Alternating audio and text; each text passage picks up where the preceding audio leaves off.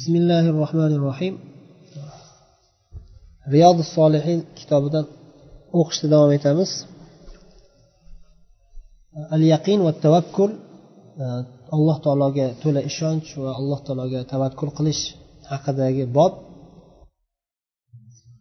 sakkizinchi hadis shu bobdagi sakkizinchi hadis an abi bakr siddiq roziyallohu anhu عبد الله بن عثمان بن عامر بن عمر بن كعب بن سعد بن تيم بن مرة بن كعب بن لؤي بن غالب بن القرشي التيمي رضي الله عنه bu kishi nimaga buncha bobolarni zikr qilib chiqdilar bu yerda sababi bu kishi manhajlari kitobdagi tutgan manhajlar qaysi bir sahobiydan birinchi marta hadis kelsa shajarasini zikr qiladilar keyingi safar zikr qilmaydilar masalan abu hurayradan kelgan rivoyat qilingan hadislar birinchisida abu hurayrani shajarasini aytgan.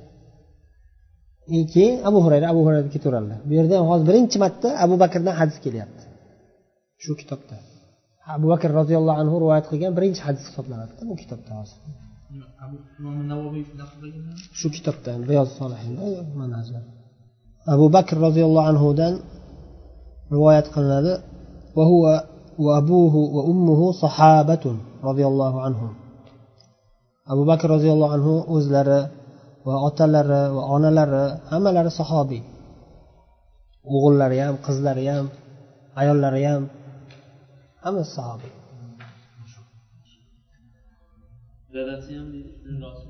hozir aytdik kech islomga kirganlar lekin islomga kirganlar abu quhafa laqablari abu quhafa dadalari otlari usmon قال نظرت أبو بكر رضي الله عنه أتيتلركي نظرت إلى أقدام المشركين ونحن في الغار وهم على رؤوسنا فقلت يا رسول الله لو أن أحدهم نظر تحت قدميه لأبصرنا فقال ما ظنك يا أبا بكر باثنين؟ الله ثالثهما. متفق عليه. abu bakr siddiq roziyallohu anhu aytyaptilarki bu o'sha rasululloh sollallohu alayhi vasallam bilan g'orda bekinib turishgan paytlarini eslab mushriklarning oyoqlariga qaradim. Fil g'or biz g'orda bo'lgan paytimiz. Ala ruusina ular bizni shuni tepamizda boshimizni tepasida turuvdi. Ya'ni shu yergacha qidirib yetib kelishdi.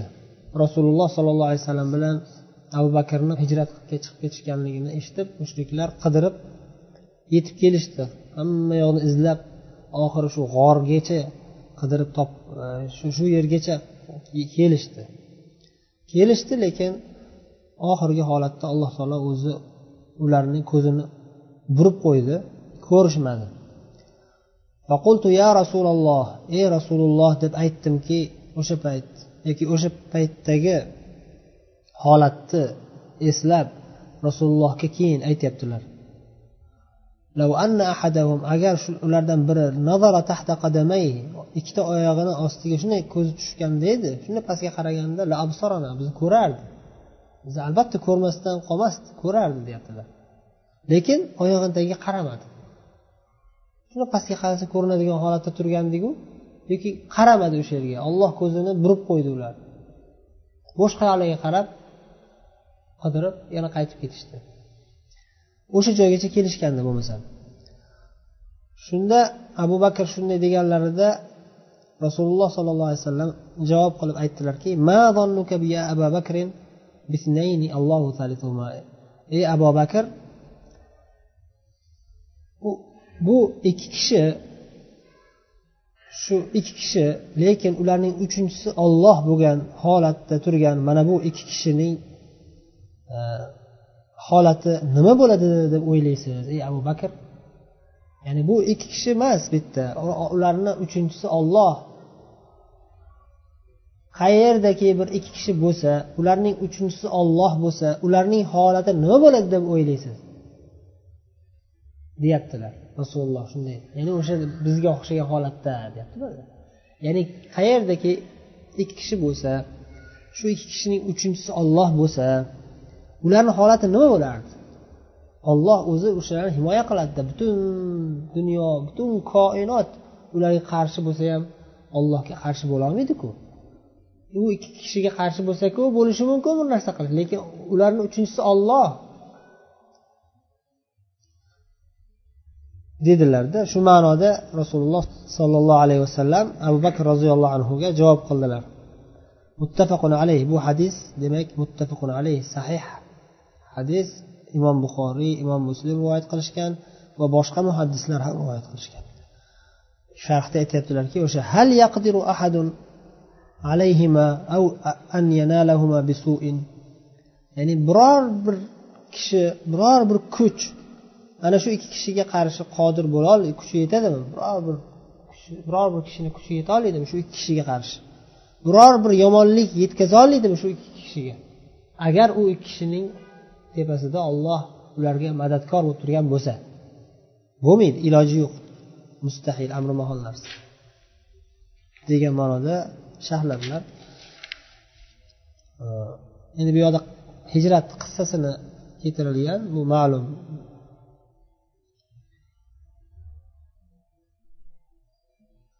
Yana boshqa holatlarda rasululloh sollallohu alayhi vasallam abu bakrga tasalli berib aytardilarki la tahzan innalloha maana. O'sha paytda ham aytganlar va boshqa holatlarda ham aytganlar. Ya'ni g'orda turishganda abu bakr ey rasululloh bizni holimiz nima bo'ladi? deb qo'rqqanlar. Shu ma'noda so'raganlar. Shunda rasululloh sollallohu alayhi vasallam tasalli berib biz ikki kishi bo'lsak ham bizni uchinchimiz olloh qo'rqmagin. Bizga olloh biz bilan bo'lgandan keyin bizni holimiz nima bo'ladi deb o'ylaysan? Faqat yaxshilik bo'ladida degan ma'noda. La tahzan innalloha ma'ana. Hech hech aslo g'amgin bo'lmagin albatta olloh biz bilan birgadir degan. O'sha g'orda turib aytganlar shu so'zlarni. Faqat ayni o'sha mushriklar ularni tepasida turgan payti bo'lmasa kerak ular ketgandan keyin yoki ular kelishidan oldin aytgan bo'lishlari mumkin. Э, ba'zilarini ba'zi bir iboralarni. Chunki mushriklar shuni o'sha yerda turganda gapirishmaydi jim turishadi. Chunki bir sharpa yoki bir ovoz eshitib qolsa bilinib qoladiku. Ehtiyot chorasidan ham jim turish kerak bo'ladi payt. Abu bakr ham rasululloh sollallohu alayhi vasallam jim turishgan bo'lishadi. Vallohu alam.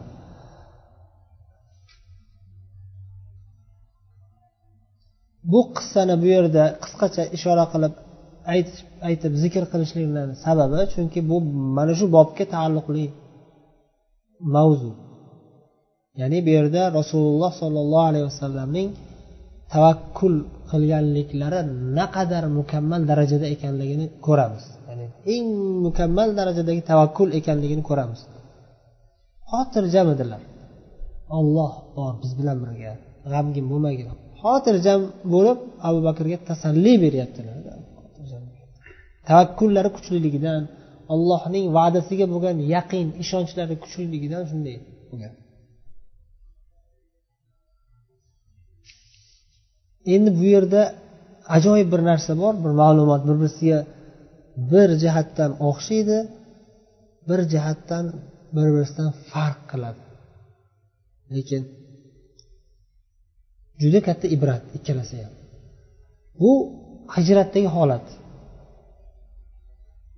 Endi hijrat qilib ketib borishdi madinaga joylashishdi. Madinada islomiy davlat qoyim bo'ldi ikkinchi yil. Badr jangi. Ro'y berdi ma'lum. Bilasizlar badr jangi. Badr jangida qanday holatda ro'y berdi? To'satdan bo'lib ketdi. Urushga tayyorlanishmaganda abu bakr e, rasululloh sollallohu alayhi vasallam va sahobalar umuman urushga tayyorgarlik ko'rishmagan holatda bo'lib ketdi. Uch yuz o'n to'rtta musulmonga qarshi mingta makka mushriklari bostirib kelishdi. Va badrda uchrashib qolishdi. Badr degan joyda mintaqada. Bilasizlar qissasini lekin man aytmoqchi bo'lgan bu yerdagi asosiy nuqta ana shu yerda rasululloh sollallohu alayhi vasallam qattiq tashvishga tushdilar. Qattiq tashvishga tushdilar. Bu yerda esa tashvishga tushmayaptilar. Bir tomondan qaraganingizda ikkalasi ham juda ham xatarli holat balki e, bu xatarli holat. Undan ko'ra bunisi qattiqroq xatarli holat. Faqat ikki kishi xolos hech qanday qurollari ham yo'q kuchlari ham yo'q. Lekin shunday holatda ham qo'rqmasdan turibdilar. Lekin badr jangida esa bir uch yuz o'n to'rtta sahobiy urusha oladigan holatda turishibdi. Lekin baribir jiddiy tayyorgarlik ko'rishmagan urush qilamiz deb. Qarshilarida mingta ya'ni bitta odamga uchta odam to'g'ri keladi xolos. Bu yerda ikki kishiga bir qancha mushrik bostirib kelyapti? Xullas xavf xatar bor ikkalasida ham juda katta xavf xatar bor. Lekin birinchisida xotirjam edilar ikkinchisida tashvishda edilar bu yerda abu bakr tashvishda edilar u yerda abu bakr xotirjam edilar.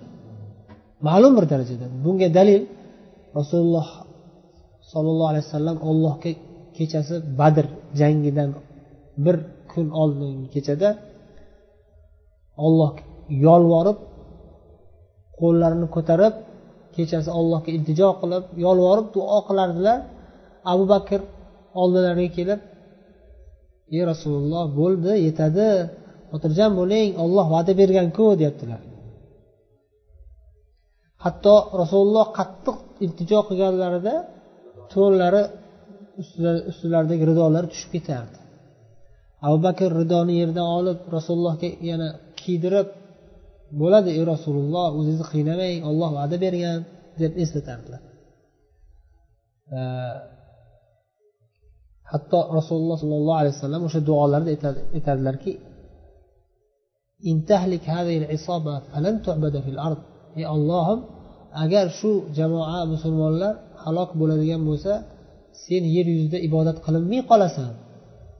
Deb allohga iltijo qiladilar. Shu qutqargin shularni deb. Shularga nusrat bergin deb. Nimaga u yerda tashvishda bu yerda tashvishda emas? edilar desa buni hikmatlari yoki sabablari bir qancha bo'lishi mumkin.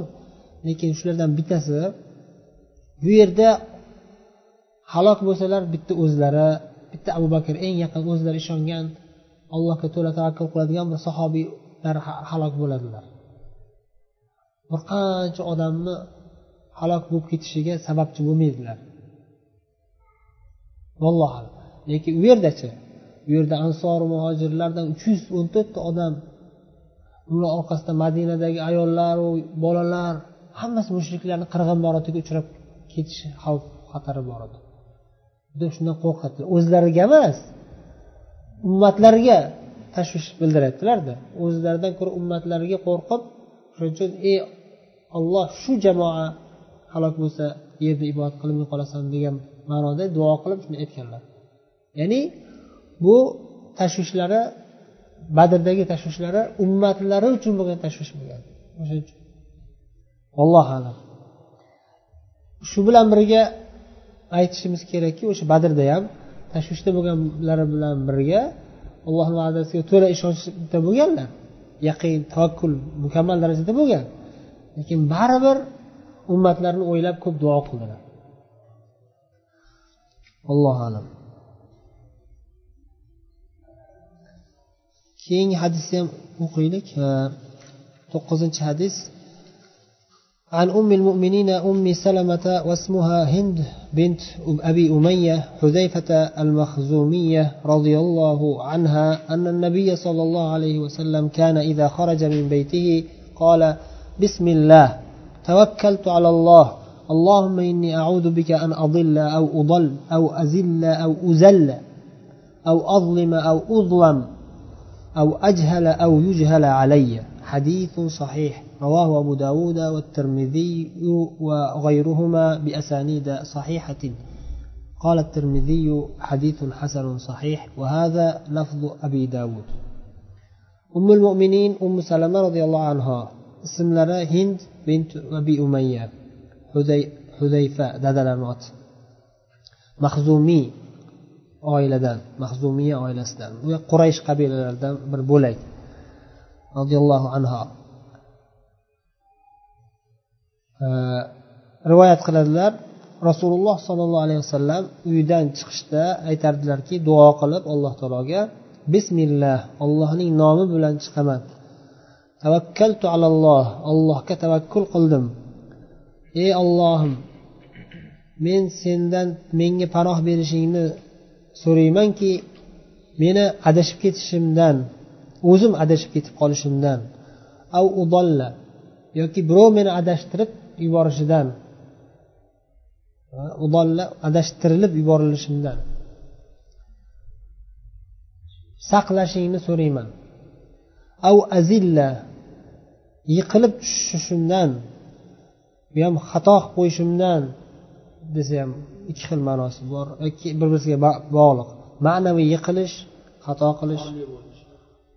Yoki hissiy yiqilish av uzalla yoki birov mani yiqitib yuborishidan av azlima yoki zulm qilib qo'yishimdan av uzlama yoki menga birov zulm qilishidan av ajhala yoki johillik qilib qo'yishdan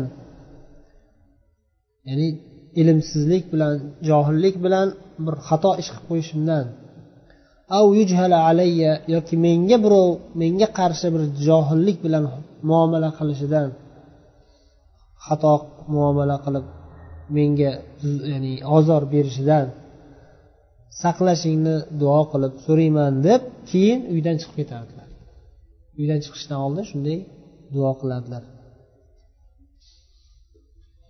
Demak bu yerda ham uydan chiqishdan oldin tavakkaltu alalloh deyaptilarda allohga tavakkul qildim deb chiqyaptilar. Butun hayotlari shunday duolar bilan zikrlar bilan to'la bo'lgan rasululloh sollallohu alayhi vasallam. Shunday bo'lsa inson butun umrida doim ollohni zikr qilib allohga duo qilib yursa eng baxtli inson bo'lib yashaydi.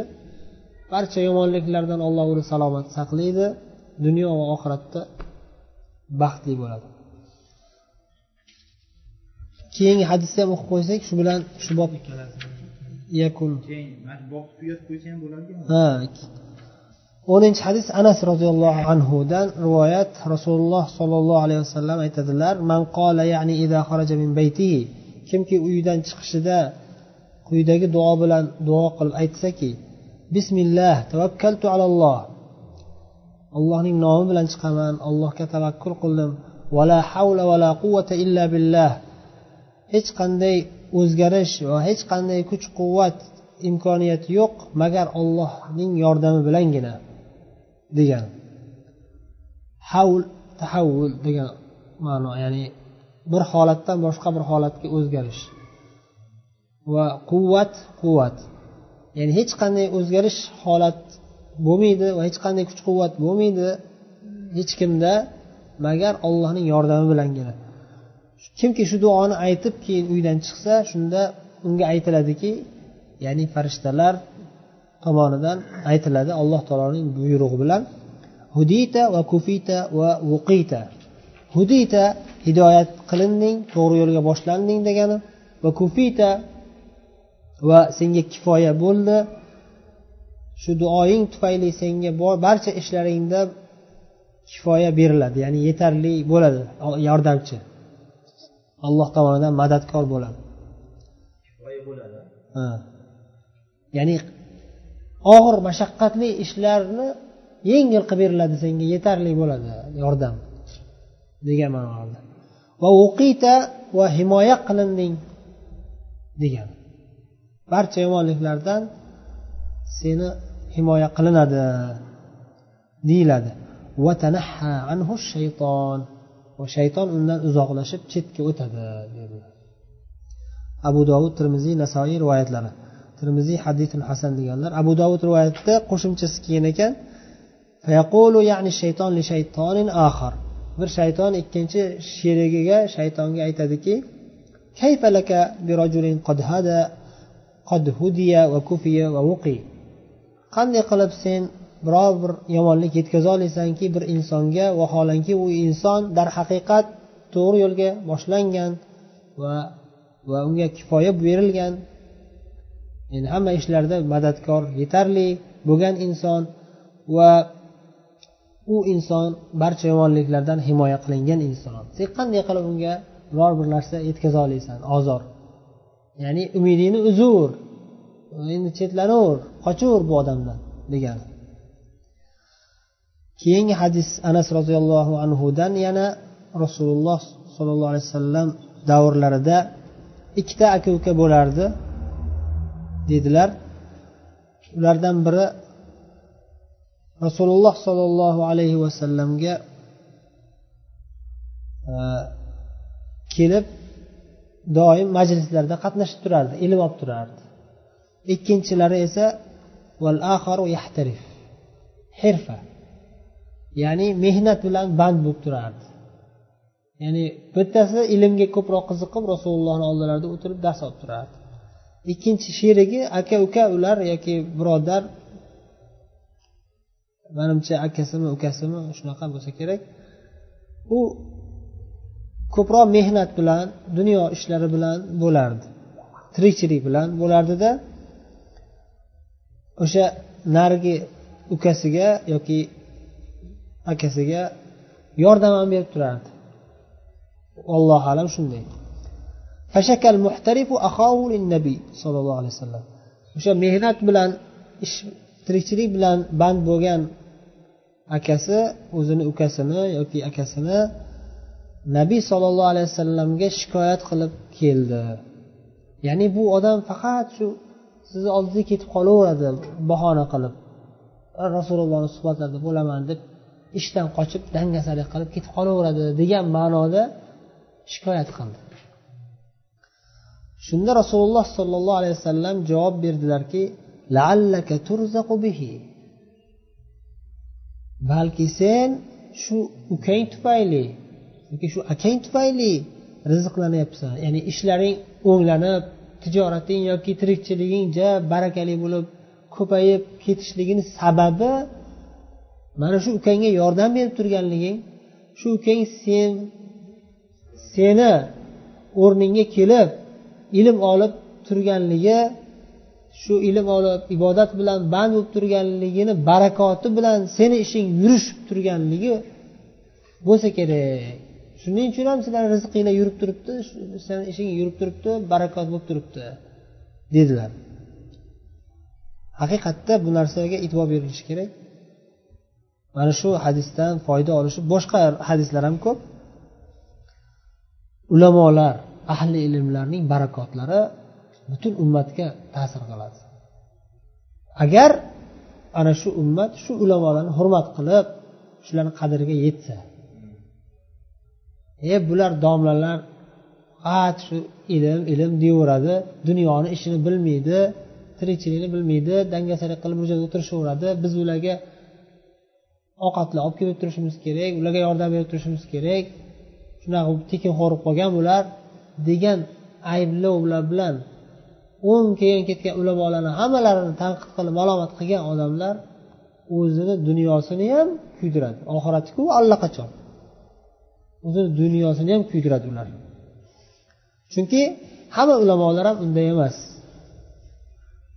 Hatto shunday bo'lgan taqdirda ham ya'ni ba'zi ulamolar shu kimlarnidir berayotgan sadaqasiga kimlarnidir berayotgan hadyasiga sovg'asiga tayanib ma'lum bir darajada ko'proq vaqtini shu ilm bilan o'tkazay deyayotgan bo'lsa o'zi tirikchilik qilishini kamaytirib balki uni xatosidir. Ya'ni rasululloh sollallohu alayhi vasallam boshqa hadislarda o'zinglar o'zinglar harakat qilinglar degan ma'nolarda nasihatlari buyruqlari bor. Ya'ni xosatan ulamolarga nisbatan shu ilm bilan dunyoviy manfaatni ko'zlasa juda katta gunoh. Eng katta gunohlardan bittasi shu din ilmlarini dunyoviy g'arazda ishlatish. Lekin shu bilan bir qatorda bu yoqdagi odamlar ham ummat ya'ni tirikchilik bilan ko'proq band bo'lganini o'zini aybi deb bilib bu yoqdagilar ilm olib shu islom ilmlarini tarqatib turganini qadriga yetish kerak. Chunki bu ruh ya'ni bu ruh ya'ni din ilmlari jon. A dunyoviy ishlar u jasad. Jasad ishi pastroq turadi. Ruh yaxshi bo'lsa keyin jasad yaxshi bo'ladi. Jasad yaxshi bo'lsayu ruh bo'lmasa u baribir o'lik bo'ladi. Shuning uchun alloh taolo ruham min amrina degan qur'onda. Ruham min amrina. Ruh alloh taolo shu islom dinini ruh deb nomlagan. Shu islom dini tufayli odamlar ikki olamda baxtli e, hayot kechiradi. Ruh bo'ladi bu. Shuning uchun ham jabroil alayhissalom ruh deb nomlandilar. Nimaga? Chunki vahiy olib kelganligi uchun. Jabroil ollohning vahiysini ollohning ilmini olib kelib vahiy qilib yetkazganliklari tufayli shuni sharafidan shuni sharofatidan ruh deb nomlandilar. Ar ruhul amin omonatdor ruh deb nomlandilar. Chunki bu ruh haqiqiy hayot baxsh qiladigan narsa bu ilm islom ilmlari. Ana shu ruh bilan boshqa odamlar hayoti to'g'irlanadi. Bo'lmasa hamma yoq xarob bo'ladi. Mana mana kofir qavmlarni ko'rilsa odam o'zi ibrat olishi kerak. Kofirlarni hayoti hozir masalan ba'zi odamlar bilmaydi buni qadriga e, buni tasavvur qilolmaydi amerika yevropa boshqa barcha kufr jamiyatlarini qarasanglar dunyoviy ishlar yaxshi ko'ringani bilan zohirida lekin eng ko'p jinoyatlar o'shalarda eng ko'p o'zini o'ldiradigan baxtsiz odamlar ham o'shalarda. O'zini ovutib o'zini o'zi e, o'ldirib qo'yishdan qutulish uchun dori darmonlar ichib yuradi. Aksariyat odamlar kofirlar va islomdan uzoq bo'lganlar. Ba'zi musulmonlar ham shunaqa nimaga desa chunki ular islomdan uzoq. Islomni ruhini bilmaganligidan dinni tushunmaganligidan o'zini o'zi baxtsiz qiladi odamlarda. Keyin natijada yo o'zini o'ldiradi yoki o'lib qolmasin o'zini o'zi o'ldirmasin deb unga dorilar ukollar beriladi. Aksariyat ya'ni kofirlar aholi shu baxtsiz hayot. Ular zohirdan bildirmasa ham. Allohu alam. Subhanakallohumma bihamdika nashhadu an la ilaha illa anta nastag'firuka va natubu ilayk.